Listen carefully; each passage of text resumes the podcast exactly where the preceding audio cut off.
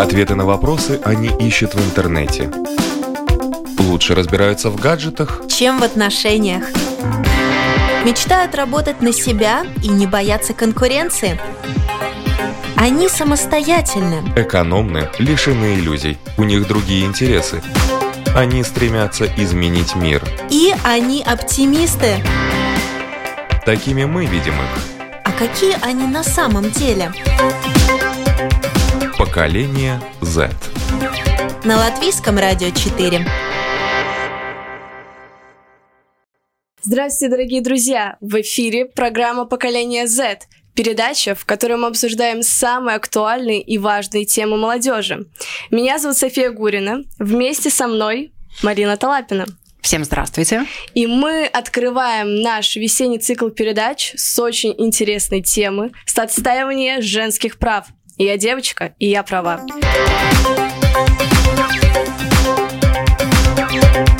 Поколение Z. Так называется тема нашей программы. Ну, конечно, мы решили быть толерантными, и поэтому у нас сегодня присутствует четверо мужчин. Правда, если вы смотрите нас а, на таких порталах, как Facebook, э, также Instagram, на нашем любимом сайте www.4.lv или в YouTube, вы видите только двоих мужчин в студии, потому что э, двое других э, работают за кадром. Это режиссер Даниэль Йоффе и звукооператор Томс Шупейка. И э, в студии, уважаемые э, зрители и э, слушатели, вы слышите и видите Леонардо Теснова. Здравствуйте. И Максима Зинкевича. Это я. А доказывать то, что с прекрасной половиной человечества спорить не надо, сегодня в студии будут Айнур Акперова. Здравствуйте. Ксения Серова. Всем привет. Лиза Евсикова. Добрый день. И Дарья Михаила. Здравствуйте. Так кто ждет 8 марта? По-честному. Поднимите руки, да. Я жду тоже. Мне это немного не наш с ним праздник. Но, может быть, вы ждете его, чтобы поздравить каких-нибудь любимых девочек, женщин, мамочек, бабушек. Нет? А, да, мне Нет. надо купить. Ну, расскажите, например, девочки, насколько для вас вообще важен этот праздник? Ожидаете ли вы внимания от противоположного пола или наоборот, больше, может быть, между собой с девочками отмечаете его? С мамами, с бабушками, опять же? Да зачем вы его ждете? Да, зачем? Цветы, подарки. Красиво все. А, Я не могу сказать, что я его так жду, но мне тоже приятно получать цветы, подарки. Но я не считаю, что подарок на 8 марта — это очень важно. Просто приятное внимание. Как вы заметили, руку я не подняла, потому что мне кажется, что 8 марта — это хорошая, хорошая возможность вспомнить историю и то, как женщины отстаивали свои права когда-то. Вот, я бы сказала так, потому что, наверное, подарки и цветы меня не особо интересуют. Конечно, это все приятно, но я считаю, что это не совсем праздник. Вот, как-то так. Я согласна с Дашей.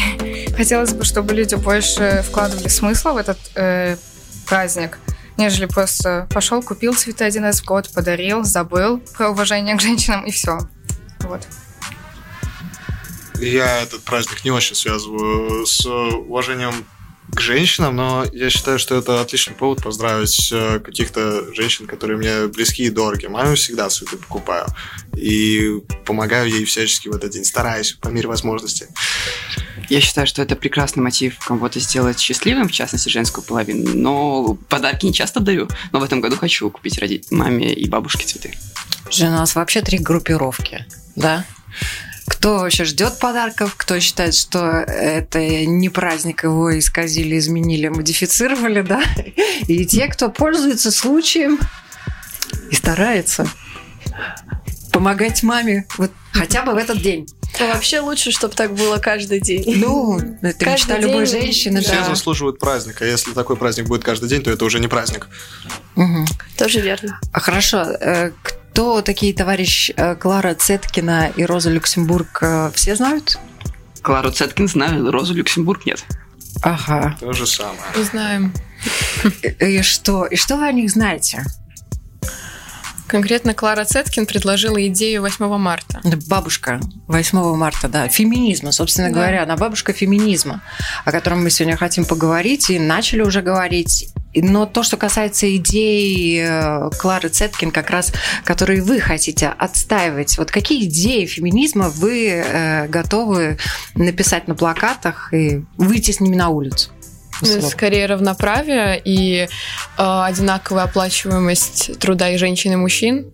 Скорее такие вещи. Эм, Айнур, какие у тебя мысли?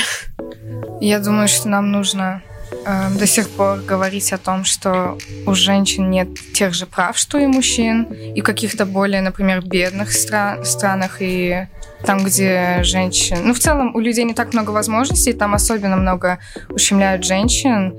И да, я думаю, нужно говорить о тех странах, где нет таких привилегий, как у нас в Латвии, например и больше распространять идеи феминизма, которые были изначально заложены в это все.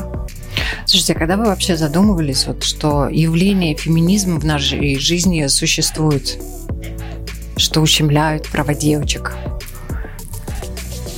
Ну, это как-то очень сейчас обсуждаемо стало. Очень ну, много постов про это. Но обсуждается, да. Но вот вы сталкивались реально в жизни с этим? В Латвии нет.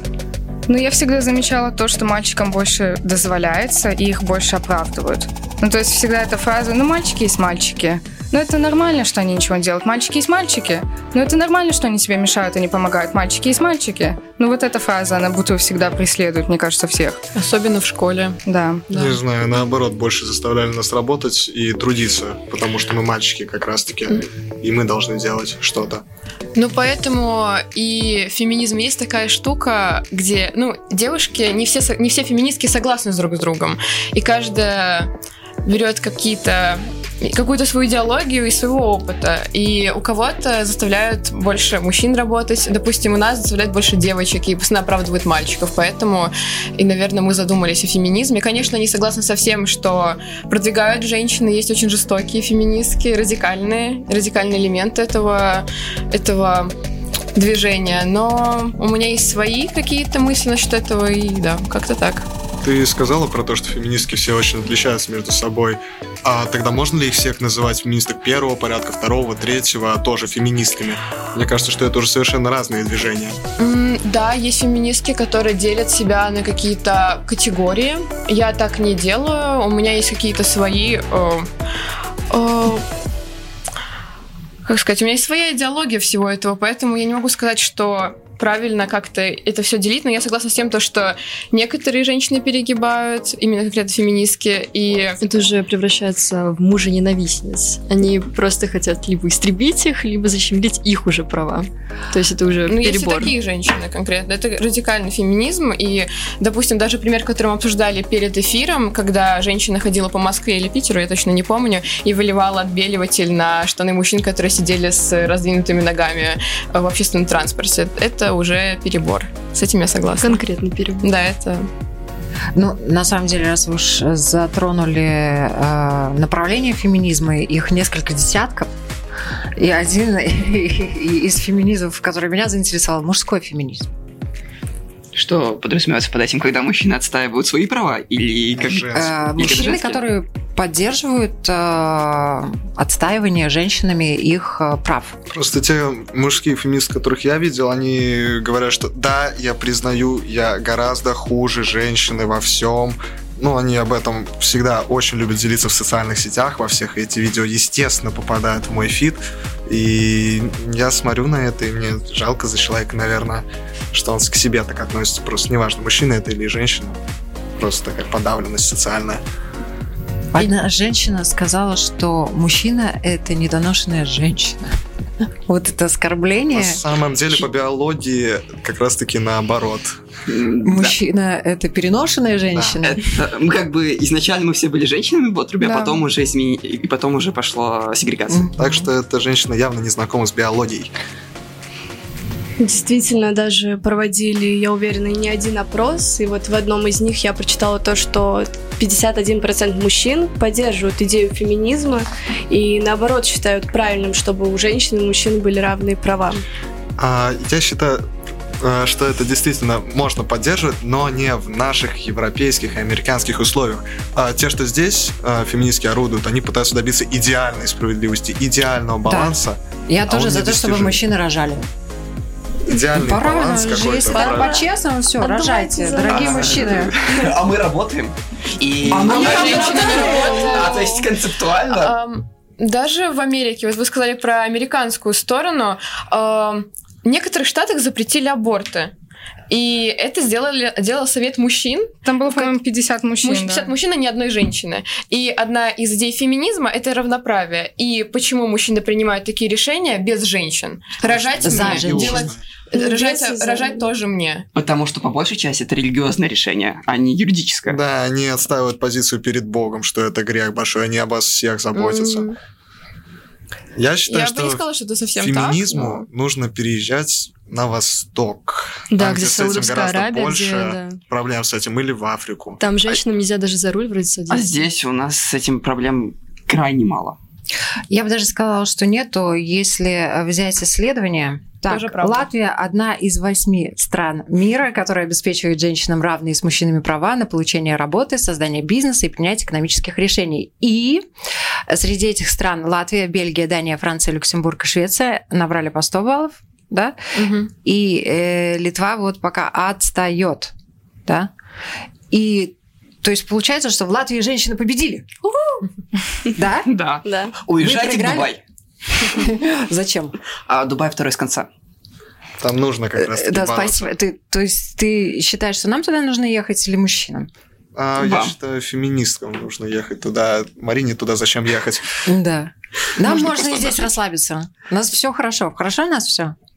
М, Немного не та это- тема. Да, это так.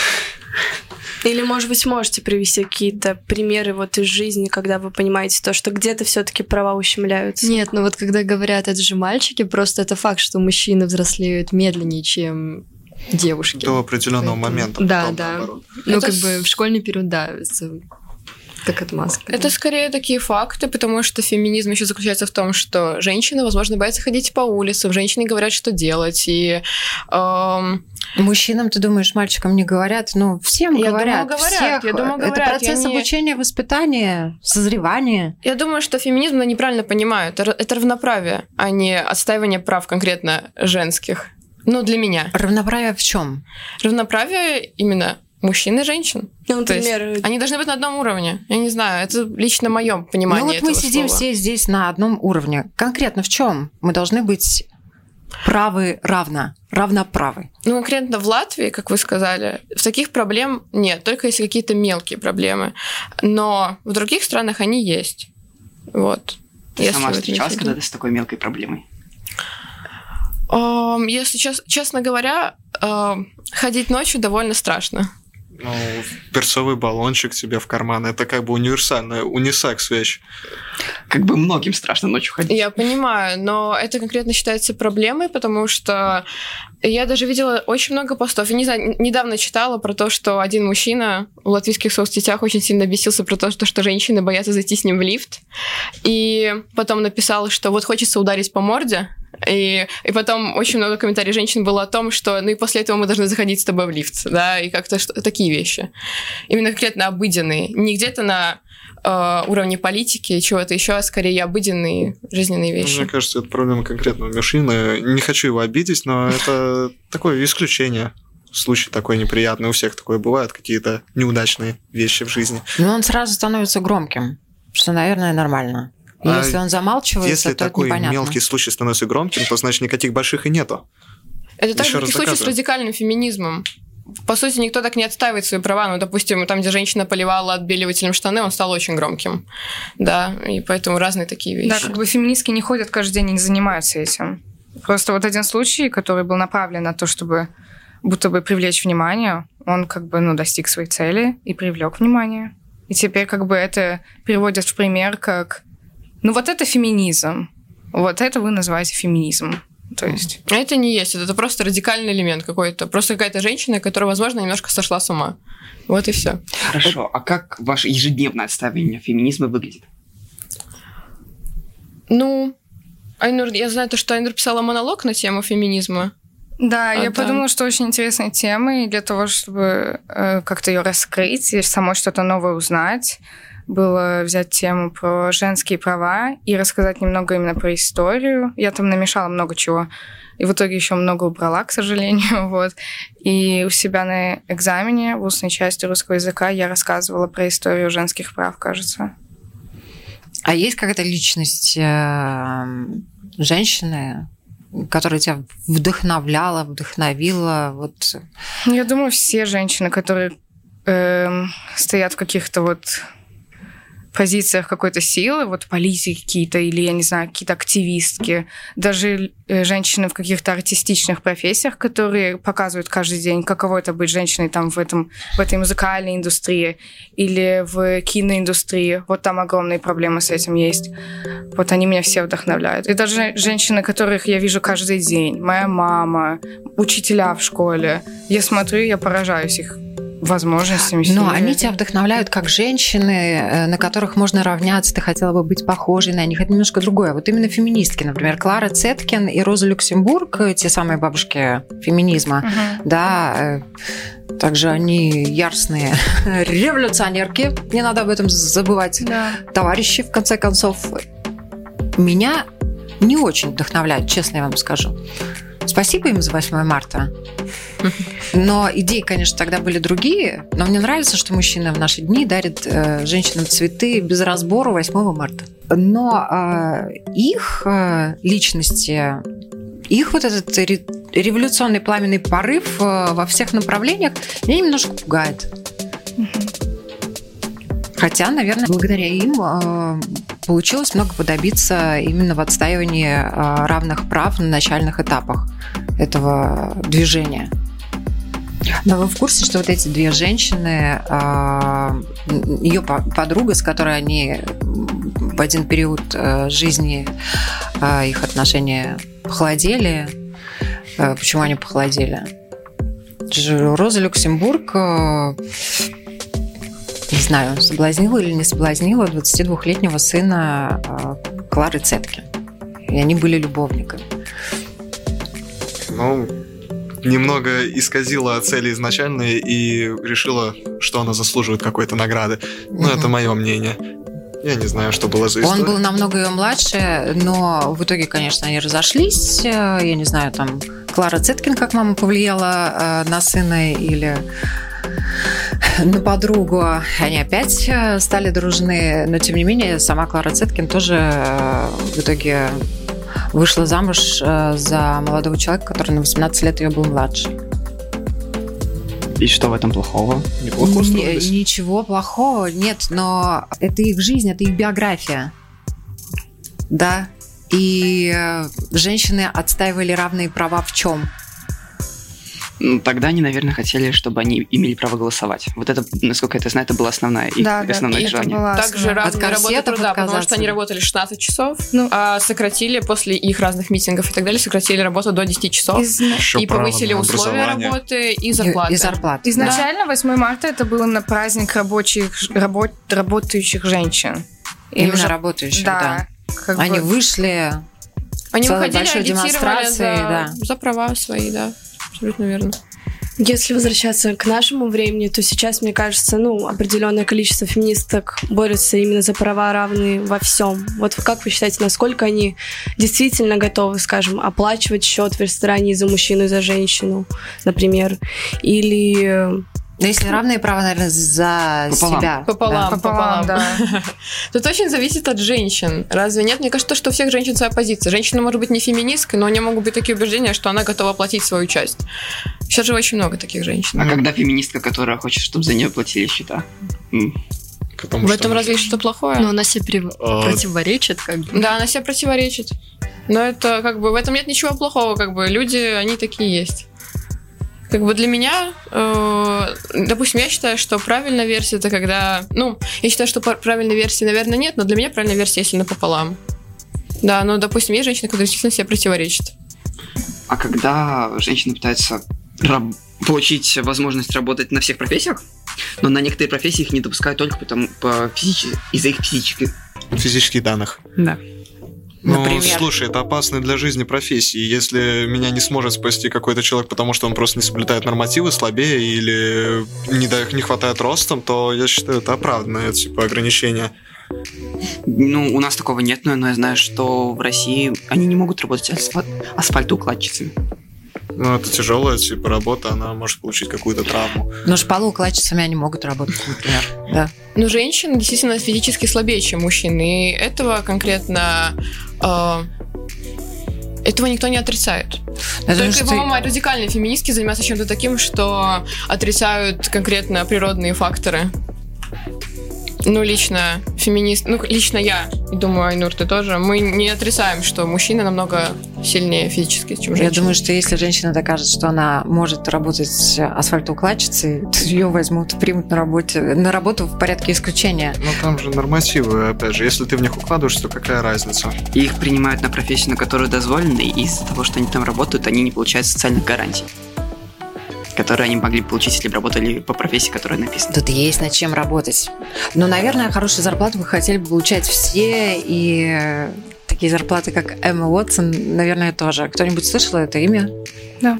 Кто-нибудь помнит Гермиону из Гарри Поттера? Помните все? Конечно. Отлично. И это одна из самых обсуждаемых э, фигур современного феминизма. Она, по-моему, начала бороться за равноправие. Вот сейчас это очень актуально. Она, по-моему, в каком-то 2014-2015 уже году Совершенно верно. В заниматься. 2014 году Уотсон назначили послом доброй воли ООН женщины. Она запустила кампанию He for She, которая призывает мужчин выступать за гендерное равенство и цель движения привлечение мужчин и мальчиков в разных странах э, к отстаиванию равных прав э, для двух э, полов. Вот и актриса считает, что без участия мужчин борьба за равноправие бесполезна, так и останется борьбой, и она знала, что была феминисткой уже 8 лет. Я с ней согласен. Как бы мы не можем поменять мир, если им руководят мужчины, так, чтобы им руководили и женщины тоже. А по поводу феминизма, в котором участвуют мужчины, ну, я бы думаю, что я бы отстаивал права в странах, э, где у женщин сильно, они сильно ущемлены, как, ну, как я упоминал, Дубай и другие исламские страны. Но вот на сайте She, который как раз был организован несколько лет назад, когда она стала послом, и там уже поддерживает гендерное равенство, я не знаю, это много или мало, 2 миллиона э, с лишним людей. Ну, как мужчин, так и женщин. Думаю, это Мне кажется, достаточно, довольно больш- много. это достаточно большое число, но не для всемирного масштаба. Ну, в Латвии таких э, 284 человека, в Эстонии больше 400, в Литве больше 600, а, в Японии почти 38 тысяч, а, в Англии свыше 70 тысяч, а лидирует Индия, Руанда, Конго, United States of America, Мексика. Вот, и, ну, на ваш взгляд, почему? Ну, Ну, потому что в Латвии, мне кажется, женщин все устраивает. Лично меня вот нет такого. А может быть, сюда Ладно. просто не приезжала Эмма Уотсон и не прорекламировала эту э, программу, этот проект. В Латвии это не так востребовано, как в Конго или в Индии, Да. поэтому очевидно, что там больше будет сторонников такой идеи и активных деятелей. И там нет уже одной из тех стран, которые имеют стопроцентное равноправие между мужчинами и женщинами. Как- А, Да, там они не занимают первые рейтинги, как Латвия, Бельгия и так далее. Они же не первые места занимают, хоть у них самое большое. Ну, в Англии, например, там я не думаю, что большие проблемы у женщин э, с равноправием, да, ну там 70 тысяч. ну, Я думаю, что это родина, ну почти родина, да, Эмма Уотсон там с пяти лет жила, училась. э, Я думаю, ее отчасти лично это поддерживают. Да, поддерживает. возможно, просто женщины, которые за любой движ. Просто Я думаю, на Западе более популярно и модно в какие-то движения вступать и поддерживать их, не сильно понимая, что происходит, не сильно понимая, насколько это нужно, и Я делиться вот Мне было это очень любопытно. Я взяла, например, Финляндию, там э, почти три с половиной тысячи людей поддерживают эту компанию, а рядом Швеция, да, почти 14 тысяч. На 10 тысяч э, разница Ну, человек. Я думаю, это еще зависит от того, как в стране относятся к дискриминации.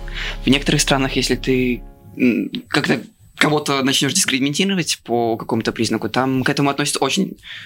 Серьезно, можно Ты сказать. так. думаешь, Финляндия а, и Швеция очень отличаются, потому как они относятся к дискриминации? Да. Да, Швеция э, серьезнее к этому относится.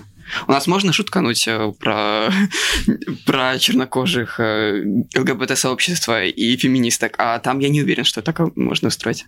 Ну, за это могут быть серьезные административные последствия, могут увольнять с работы и всевозможные штрафы присваивать. Там очень озабочены этой темой, потому что они даже со школы проводят уроки равноправия, вот, и поэтому там очень распространена вот именно идея, идея равноправия, там очень много людей, которые поддерживают это все, и мне кажется, именно поэтому такие цифры. А вы бы хотели такие уроки равноправия в школах Латвии? И чему бы там учили? Ну, опять Как же, в Латвии это не нужно. Мы уже 40 раз это сказали. Нет, мне просто интересно отношение к этому феминисток. А, Смотря что под этим подразумевается. То есть, если тебя там учат, э, как правильно тебе э, устроиться на работу, так чтобы э, у тебя должны быть просто список того, что э, не цель того, что ты женщина, ты должна обогнать мужчину, а то, что ты должна получить хорошее образование и выбиться вперед, несмотря на то, э, кем ты являешься. То есть... Ну, это как бы могут быть уроки тогда для Да. всех, и для мужчин, для женщин, как бы без разницы. Поэтому это, мне кажется, бесполезно. Ну, в Швеции конкретно на этих уроках проводятся какие-то профилактики домашнего насилия в том числе, потому что домашнее насилие тоже достаточно распространено. Не, не там, конечно, потому что там уже э, очень... Там, дик- во-первых, там... Уже отшлифовали это всё. Да, там это уже все охраняется отшлифовали, довели до блеска, но в других странах, я думаю, допустим, даже в той же самой России такие уроки бы не помешали, особенно то, что тревожные звоночки постоянно идут оттуда. Мне кажется, разумнее было бы сделать такие уроки для мужчин, чтобы они знали, как правильно обращаться с женщинами, чтобы потом женщины не жаловались, не устраивали эти бунты. Не согласна, то, что только для мужчин. Насилие со стороны женщин тоже есть. Кстати, очень нашумевшая ситуация, это, кстати, о Джонни Деппе, его жене, которая... э, Ну, там с двух сторон, я так понимаю, было насилие какого-то плана, но его жена... она, конечно, физическая она прям физически, да. Да, поэтому я буду... И я думаю, не что... знал об этом, потому что вначале все говорили о том, что это Джонни Депп был вот это вот главный Да. насильник в семье. Но Потому нет. что никто не хотел разобраться в ситуации, как говорит, как говорил э, Максим. Максим, да, э, что именно конкретно на Западе хотят поддерживать движение, не разобравшись в нем. И конкретно в, в данной этой ситуации можно сказать, что женщины поддерживали не того человека. Я Вот. считаю, что эти уроки, в принципе, были бы полезны, потому что подростковые мальчики бывают жестокими и очень глупыми. То есть, ну, вот эти постоянные шутки, которые я слышу даже от своих одноклассников, какие-то очень неуважительные в сторону женщин, девочек, девушек, очень совершенно стереотипные, очень идиотические, вот прям шутки ужасные. Я думаю, что пару таких уроков, когда они только их мозг начинал формироваться, им бы, ну, о чем-то они бы ну, сказали эти уроки. Я считаю, что это не конкретно мужская проблема, потому что со стороны девочек тоже можно слышать много всего неприятного. Это нужно всем людям, как бы уроки о том, как себя нужно вести с другими людьми. Ну, это же В просто обществе. интеллигентность, вела, уважение. я вела к тому, что э, девочкам это тоже не помешало бы, и девочкам, да, опять же, эти знать больше о ситуациях, таких как вот домашнее насилие. Что делать в таких ситуациях? Да и, да, и помимо этого просто история. Просто чтобы люди не ходили и не говорили, ой, феминизм, фу. То есть если ты, ну, никто не просит тебя быть феми- феминисткой, в мужском роде так не сказать, феминистком. Феминистам. Феминистам, да. Феминистам, да, но это странно звучит на русском, то просто знай историю, знай, что феминизм это никогда ненавидят мужчин. Феминизм это равенство, если ты их не хочешь, не поддерживай, и все. На самом деле не обязательно углубляться даже в историю. Вот, например, те инициативы, Понятия, вот, которые сейчас и на том же э, сайте Хифоши пакистанские студенты собрали 5000 обязательств подписей, да, э, и студенты инженерно-технологического университета привлекли эти подписи именно мужчин и мальчиков, да, э, к поддержке движения. В Пакистане это актуально. И, Да. наверное, логично, что это там актуально.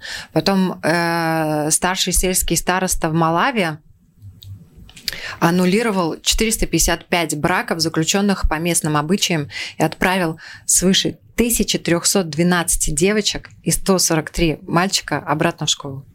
Там аннулировали детские браки. Мгм. И это тоже благодаря инициативе, и- инициативе которую э, предложили в движении, феминистическом движении, Вот, хиф мне кажется, то, что феминизм — это то общество, которое давит на... Ну вот я сейчас немножко расскажу предысторию. Совсем недавно я выставила в свой инстаграм сторис о том, что в Йемене сейчас очень тоже нашумевшая ситуация. Восьмилетняя девочка вышла за 49-летнего мужчины, по-моему, и после полового акта она умерла из-за разрыва матки, э, так как это был ребенок, вот. И мне ответили на эту историю, э, таким бы странным не феминизм помешал, а нормальные законы. Мне кажется, то, что нормальные законы могут появиться только когда общество давит на конкретно на, э, на управление этой страны, и поэтому феминизм это, наверное, то сборище людей, которое может надавить так, что эти законы могут появиться. Поэтому феминизм все еще должен существовать. И даже в тех странах, где уже все в порядке, потому что эти люди могут своим примером показывать этим странам, что так нужно жить. Да, как бы люди не понимают, что феминизм это не конкретно изолированная группа, которая ходит и там, не знаю, бьет мужчин. Да. Я и забирает их работы. Ну да, но и феминистки это именно феминизм, скажу, феминизм это именно вот та группа, феминистские, господи, как сложно это, на русском склонять. Да, это не воинствующие амазонки, да, да. это именно вот люди, которые как бы пойдут и как бы вот исправят закон или еще что-то. Вот они пойдут и надавят, и как бы они не просто, они действуют. Они не просто именно вот сидят и говорят о том, как они ненавидят кого-то. Они приносят какие-то изменения в мир. Вот какие бы вы законы исправили, Ксюш? А, Я думаю, что нужно больше обратить внимание на безопасность, потому что мне тоже лично страшно ходить по улицам. Я не думаю, как мальчикам, но э, я считаю, что конкретно на закон о том, как нужно эм, обезопасить улицы, надо думать. И, к сожалению, большинство преступлений на улицах проис- происходит от мужчин к женщинам. И я не уверена, что конкретно здесь нужен феминизм. Тут, опять же, нужны просто законы. А, Которые- Вообще мужчин просто больше. Поэтому может... Нет, Нет, мужчин не нет, больше. нет. В нашей Оно- стране мужчин меньше. Оно меняется в зависимости от времени. То, что Но оно касается насилия, 50%. то, что касается насилия, женщин-насильниц жестоких, которые на улице 96% пристают к мальчикам, мужчин. да, и да, да. Да, а домашних Э, Я больше. смотрела очень важный проект, и это, по-моему, был американский, но я точно не уверена. И там рассказывали мужчинам о том, что чувствуют женщины, когда идут вечером по улицам. И большинство мужчин очень сильно удивились, когда узнали, что женщинам страшно ходить по улице ночью. Поэтому, опять же, мы можем думать, причем здесь феминисты далее. Возможно, феминизм как раз-таки может надавить на наше э, правительство так, чтобы у нас появились какие-то законы, или, опять же, мы обезопасили улицы. А как их можно обезопасить? Но опять же, те же самые прессовые баллончики, я не знаю, А, где- ну, вот, и- или опять же, запретить просто или мужчинам уроки- ходить после уроки 10 на улице. самооборон- самообороны. Это же гениально, нет? У нас и так спорт проходит у мальчиков и у девочек раздельно. Почему бы нам не дать какие-то основы самообороны? Сейчас тебе расскажу. Сегодняшний урок спорта. Мальчики бьют э, манекен, девочки танцуют. Я тоже танцевал. А, Но уроки самообороны тебе не так сильно помогут, потому что равную угрозу представляют как и группа людей, ты ничего не сможешь им сделать со своими навыками самообороны, полученными в школе, если на тебя идет большая группа людей. Или какая-то неожиданная атака, когда на тебя человек с ножом из-за угла выходит. Это одинаково опасно для всех, и никакие уроки там не помогут. Но Я мне думаю, кажется, они все равно какие-то основы явно это лучше, чем ничего. Основа это бегать уметь. Ну, я даже этого не умею. Я предлагаю вернуться, наверное, к более позитивному моменту этого движения. Я бы хотела поделиться с вами одними из главных достижений феминизма за последние годы. Например, не так давно, буквально два года назад, в 2018 году, более 300 голливудских активисток создали фонд правовой поддержки женщин, нуждающихся в защите от сексуальных домогательств. Также в 2017 году в Саудовской Аравии женщинам разрешили водить автомобили. А это как раз была последняя страна, в которой до сих пор нельзя было женщинам управлять автомобилем. Также в том самом 2018 году а, наследник принц Мухаммед ибн Сальман Аль Сауд принял реформу, в соответствии с которой женщины в Саудовской Аравии смогли посещать футбольные матчи. И в нашем любимом 2018 году главой генштаба BC страны-члена НАТО впервые стала женщина. Национальную армию Словении возглавила генерал-майор Аленка Эрменц. Вот так вот. Ну, есть женщины-летчицы, Да. да, которые летают. А вот тоже существует такой миф, что мужчины не доверяют, даже если женщина едет за рулем. Вот боятся сесть э, в машину, где управляет девушка. Вот вы встречались с такими? Я как думаю, вот вы это к такому стереотип о относитесь? том, что женщины не умеют Умеют водить водить. машины. Мгм. Да. Ну вот вы готовы были бы полететь, э, скажем, за океан на, на самолете, который управляет девушка? Она, Мне- в пер- она в первую очередь эксперт, а потом э, девушка. Вы на такое не обращаете Просто внимания с точки зрения права мужчин? для машины получить гораздо легче. И я по своему опыту немного больше боюсь, когда женщина за рулем, потому что меня несколько раз они чуть не сбивали, пока я шел от дома. Мужчины всегда включают поворотник, женщины иногда забывают. Но это, опять же, по моему опыту. А так, по факту, еще может повлиять то, что мужчины более склонны к тому, что обсуждать машины, то, как ими управлять. В то время как женщины это за, за ними заметно это гораздо реже. Для них машина есть машина. Ну, для большинства. Ну да, у мужчин по-другому еще мозг работает. Как бы они более склонны к механизмам, там все такое, как бы женщины просто как. Извини, я сейчас буду... Это неправда. Это, все стереотип Не навязан. доказано. Да. Это такая очень странная теория. Ну. Множество женщин, которые занимаются наукой, занимаются удачно. У меня у Наука это не механизм. Ну, это конкретно какие-то, как сказать, это не гуманитарные, а технические вещи. Даже моя мама. Смотри, многие вещи, которыми пользуются не только женщины, а и мужчины, были придуманы на женщин. Да. Посудомойка, э, бензопила и многое. Так что это правда миф, и даже проводились эксперименты, когда было доказано, что дети, которые не, поддерж... не подвержены влиянию родителей с этой стороны, они одинаково проявляли интерес к сложным логическим задачам. А в определенном возрасте уже у мужчин был больше интерес, чем у женщин. Ну да, возможно, потому что мужчины это с раннего возраста обсуждают с сыновьями, нежели с дочерями, поэтому, возможно, им просто легче сдать на права. Даже игрушки, которые направлены на детей, это тоже немножко такая сексистская история, потому что, э, ну, женщинам что обычно им дают куклы, что как, ну, как материнский инстинкт, наверное, какой-то будет, а, а мужчинам дают машинки и так далее. Это, наверное, также от этого зависит, потому что женщины будто бы с детства приучают к тому, что, ну, вот у тебя кукла, ребенок, и, в принципе, привыкай. Это Вот. уже тоже уходит на второй план, Да, это кажется, уходит на второй потому план, что да. огромное количество игрушек, и есть девочки, которые просят, чтобы им купили машинки, и машинки есть такие розовенькие, всякие разные, с бантиками и так далее, и мальчишки играют в куклы и могут взять там на площадке и возить коляску, и,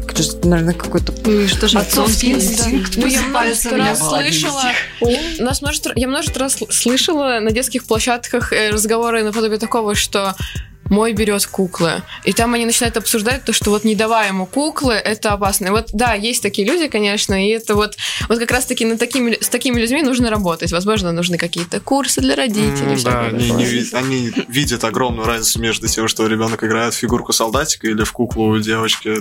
А Ну, разницы, по конкретно сути, те, которые никакой. да. Самое прикольное, что кукла девочки может больше, чем солдатик пластиковый. Ну да, гнется больше. У нас тоже было э, исследование, да, и такое мини-исследование в социальных сетях. Э, э, что такое феминизм, по вашему мнению? Мы задали вопрос в Инстаграме и ответили следующее. Движение за равноправие и отсутствие гендерных стереотипов.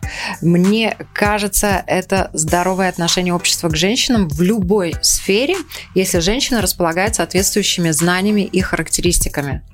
Не просто потому, что она женщина, а потому что она ну, доказала, что она готова быть равной. А, И это непростое потакание интересам феминизма из-за раздутой толерантности. Да? Также э, что такое феминизм? Это борьба за равноправие, справедливость. И есть те, кто ответил, что движение, которое забыло, за что борется. Вот.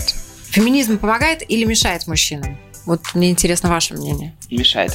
Вот эти все фразочки по типу «не надо придерживать мне дверь», это раздражает. Но именно с дискриминацией мужчин я еще не встречался. Кто вам говорит? Да, это? кто Я говорит не держать дверь? Я не понимаю, что это за женщина? Я, я не Скажи понимаю. потому что вот только вот я готовила реально заготовку, а я думала, про дверь по-любому будет. Короче, вот. А, я держу дверь Иногда. я и я говорю держу спасибо. дверь. Если мне поддержат дверь, я скажу спасибо. Мне все равно, поддержат мне дверь или нет. Да я не понимаю. Если не поддержат, я сама открою. Поддержат, я скажу спасибо. Я не знаю, что это за женщины, которые считают это... Это какой триггер на двери, я не понимаю, Да, да, почему. Моя одноклассница должна была сюда прийти. Да, Есть такие люди, на самом деле, которых это задевает очень сильно, что думают, что ну не могу, не могу я сама для себя открыть дверь. А, ну, что поделаешь, типа. Некоторые мужчины тоже не любят, когда за них делают всю работу. Девчонки, помогает вам феминизм или мешает? Я согласна с тем человеком, который сказал, что это общество, которое забыло, за что борется, потому что если я затрагиваю тему того, что, например, э, ну, если я считаю себя феминисткой, то я об этом говорю, и кто-то может мне сказать, «А что ты считаешь, а кто-то может, э, как сказать, высмеять это. То есть э, даже девочки, которых я знаю, они скорее посмеются над этим, и многие до сих пор могут говорить, «А почему это неправильно, все должно быть как раньше, все там патриархат, все такое. И на самом деле это ча- чаще встречается, чем, чем мы думаем. То есть даже несмотря на то, что там 21 век, эм, это встречается в мелких вещах. Женщина хочет быть за мужчиной, прикрыта мужчиной, Ну, защищена мужчиной. но А это отменяет вообще вот э, правила феминизма, если женщина хочет быть оберегаемой мужчиной? Нет, нет. Мне кажется, что феминизм это когда женщина дозволена делать то, что она хочет. Если ее защищать, если она хочет быть домохозяйкой, жить по этому архетипу, пусть живет. Если она хочет быть амазонкой, пусть будет. В этом вся суть. Никто не должен запрещать ей быть кем-то. Я не должна подходить к женщине, которая, не знаю, мама, любящая там жена, э, мать, и говорить, ты не, самореализова- не самореализовалась, потому что тебе не дало общество. Я так не буду говорить, если она захотела быть и ей нравится. Почему я должна это делать? Это, это достаточно здраво. Нужно просто уметь фильтровать, убирать эту стигматизацию, когда она есть, эту стигму, потому что это очень неправильно. То есть нужно очень сильно фильтр- фильтровать эти новости, потому что, опять же, когда вот идет какой-то радикальный момент, все сразу говорят, вот феминизм, это вот это вот то, что вот произошло, вот это ужасное. И опять же, я не буду говорить там э, никого то, то, что она домохозяйка и хочет быть за своим там мужчиной и вообще хочет, ну, короче, вот как-то так. Когда я законченная феминистка. Я, э, я думаю, что просто обществу нужно понимать, что э, общество не нужно делить на мужчин и женщин, нужно понимать, что человек есть человек, и он делает то, что он хочет. Мы все должны быть гендерно-нейтральными. В каком-то смысле. Смотри, ты Ну, уходишь вам в нравится, что в нашем обществе есть женщины. И му- мужчины, мужчины. Там, кстати, есть очень классная фраза про то, то, что женщину нужно... Не, не то, что вот... э, про то, то, что нужно уважать, когда она этого заслужила. Потому что я слышала где-то очень классную фразу про то, то, что э, это был комик, э, Данила Поперечный, по-моему, вот, он сказал на своем стендапе, я женщин не уважаю. И там какой-то мужчина закричал, он говорит, да и мужчин тоже, пока они этого не заслужат, да, то есть я не заставляю меня уважать, пока я этого не заслужу, скажем так. То есть, что я, я отношусь ко всем людям как к равным. И я не говорю, что вот, если ты женщина, я тебя уважаю больше, чем мужчину. Кто-то еще хочет что-то добавить? Ну, в целом, все такие, всегда случаются ситуации, что кого-то уважают больше или меньше, но это общество, оно очень амбивалентно и склонно менять свои мнения постоянно. Правды нет. Нужно не уважать всех. Оскар Уайлд сказал, а, что сила женщины в том, что ее невозможно понять с точки зрения психологии. Я думаю, что женщину, наверное, а, сложно понять и с помощью других наук. Женщина очень тонкая, интересная, сложная, организованная. Просто поверьте, если вы видите перед собой девочку, девушку, женщину, не спорьте, она права. Спасибо всем, что были с нами. Получился, по-моему, интересный разговор. Всем хорошего дня.